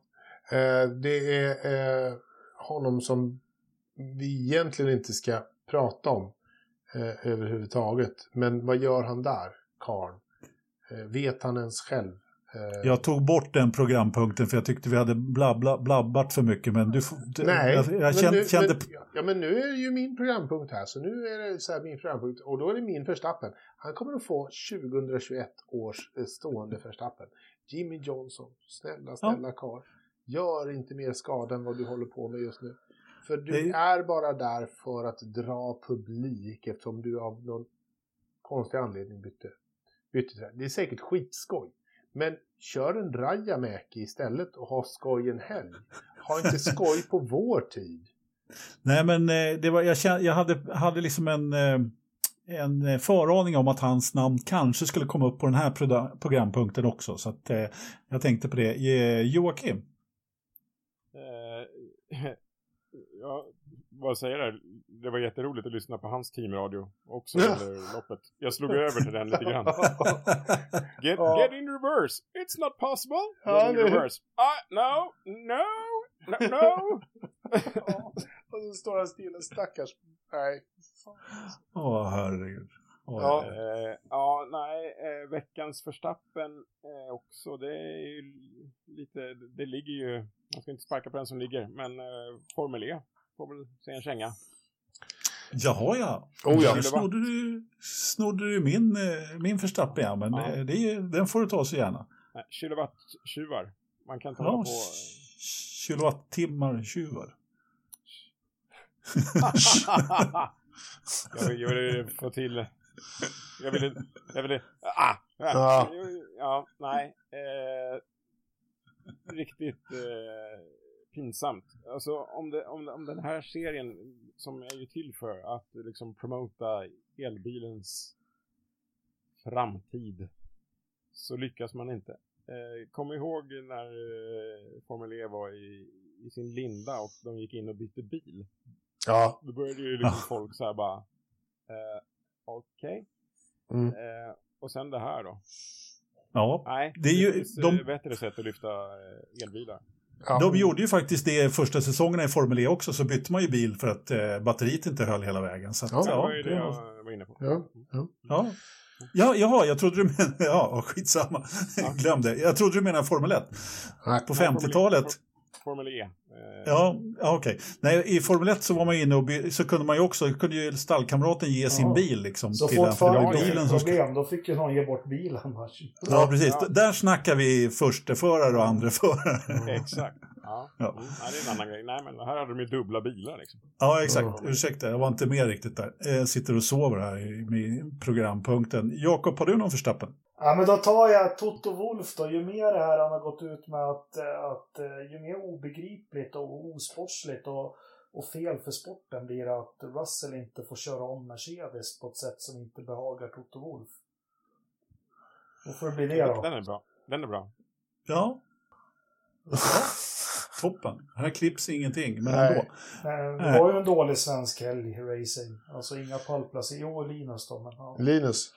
Ja, vad Toto för Wolff med svenskarna att göra? Det här börjar bli jätteförvirrat. Nej, men jag tar Ja, bort men- det där med svensk racing som jag sa då. Eh, Ja, men eh, allting är förvirrat idag överhuvudtaget, som det brukar vara. Det är för, förvirringspodden. Mm. Eh, min förstappen får Werner då, han som körde på Alesi och inte ville gå på prisutdelning för att han fick tidstillägg. jävla tysk. Vinnarskalle, precis. vinnarskalle. Ja. Nej, hörni, eh, vi, vi tar lite väder också innan vi avslutar det här fantastiska, den här fantastiska podden. Det är alltså två minus i Idre, 10-24 hästkrafter och det är nordvästlig vind. 3-7 vindavkylning, 2,1. Är det vänstervind? Ja, nordvänstervind. Oh. Det måste ju stå. Ja, och så har vi temperaturen då. I köket 22,6. Vad tror vi att det är, eh, är i datorförrådet då? Eh, Om vi börjar högst upp 22, till vänster. det är ganska med- hög innetemperatur. Han måste ju steka pyttipanna eller något sånt. Är, 20, Antagligen. är, är 22,6 varmt i ett kök? Ja, eller han har väl ugnen Vad brukar du ha i ditt kök då? Om, jag, om, jag, om jag lagar mat så är det definitivt mer än 22. Jaha. Men eh, okej. Stäng Ja. ugnsluckan är mitt tips. Ja. Mycket, bra Ja. Joakim. Ja. Eh, har du någon gissning också Joakim? Fy... Alltså jag hatar det här. Eh, 19,8. 19,8 säger jag. Äntligen en gissning som jag kan köpa. Bra. Tackar, tackar. 18,6. Jakob. Ja, nu har jag glömt för det hade väl pipit iväg lite förra... Nej. Det är det inte har. Ja, men det blev- var ju snorkallt förra veckan. Men 22,6 eller vad sa du att det var i köket? Ja. 22,6. Det borgar väl för att det är eh, 22,9 datorn. Ah, det var nästan Jakob. Nästan, nästan. Det är fortfarande bara jag som har gissat rätt. Nu fick inte jag gissa den här veckan eftersom jag håller i dem. Men 22,8 grader. Fan, det korrelerar inte. Det korrelerar inte. Nej, det gör det är ju inte det. Sådana vindtunnelbekymmer. Helvete. Ja. Som Red Bull. Hur ser det ut vid fågelbordet då? Eh, jo, men det ser bra ut Ja. faktiskt. Jag ska se om det har hunnit mörkna någonting än. Nej, Det är det är faktiskt fortfarande ljust vid fågelbordet, men det är inte en levande själ där och käka faktiskt. Så att, eh, eh, och det är snön börjar, ja, det är barmark där nu också faktiskt. Så att, Det har inte varit några björnar där någon gång, eller vid fågelbordet? Nej, inte vad jag har sett i alla fall. Men, eh, Det är bara Jag en rå, idé. Jag, rådjur Ja. som kopulerar. Ja, det- ska jag det- sätta... Ja, ursäkta nu avbryter. Men jag, jag tänker så här, om man inte har något att göra, då kan man ju sätta sig och kröka och, och slå upp eh, klicka på kåtorna och titta på den bilden. I Ja, den är åtta fin. timmar. Ja, den är... En landsväg som håller på att töar. Ja. ja. Fantastiskt. Ja, Okej. Ja, jag, då tittar jag nog hellre på motorsport faktiskt. På Indy Ja. Light. Ja, Indy Lights. FV221 mot kåtorna. Nej, jag, jag väljer den alla dagar i veckan. Den bilden. Kan inte Nej. någon av oss åka och rycka den jävla orangea vägkäppen vid kåtorna? O- Det skulle vara orange. jättekul. Orange vägskeppen. Orange. Ja. O- Orangea. Du, du, skulle Orangea. Du skulle ha sagt till mig här när jag var i närheten här för några veckor Ja. sedan, Jakob. Jag glömde det. Ja. Och Vi får ta den till den eh, stora älgvandringen. Ja, du, jag, vad, vad är det på SVT? Jag såg... Det börjar jag tog, nu.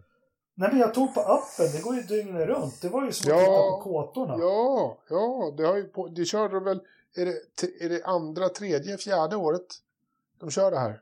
Den stora älgvandringen. Men vad är det? Vad Helt går det galet. Jag, jag, jag fattar inte. Nej. Jag, jag fattar ingenting. Liksom. Och, vänta, och de bara så här, "Åh, vänta, vänta, på med ljudet nu. Och så lyssnar man. Ja, det är vatten som porlar i en bäck. Ja, det är väl trevligt, men 24-7, alltså det är... Ja. Mm. Sen då? Jag vet. Ja. Mm. Jag är för gammal Jag- för det här. Ja, jag börjar bli för, känna att jag är för gammal för det här också när ni ska prata om älgvandringar i våran motorsportpodd. Nu får det fan vara nog faktiskt. Jag tror att vi tar och slutar nu. Hörrni, tack för att ni lyssnar. Ha det bra. Ha det bra! Hej då.